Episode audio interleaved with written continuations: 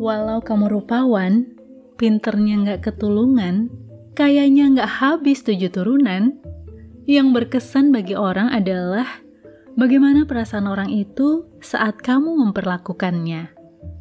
Rasa itu nggak bisa direkayasa, apalagi dikondisikan. Just dirasakan, dialami. Meskipun kamu luar biasa baik terhadap yang lain, tapi kalau yang diterimanya busuk, tetap aja kesannya terhadap kamu buruk. Ya, pada akhirnya orang terkesan karena sikap kita, bukan karena pencapaian atau yang melekat pada diri kita.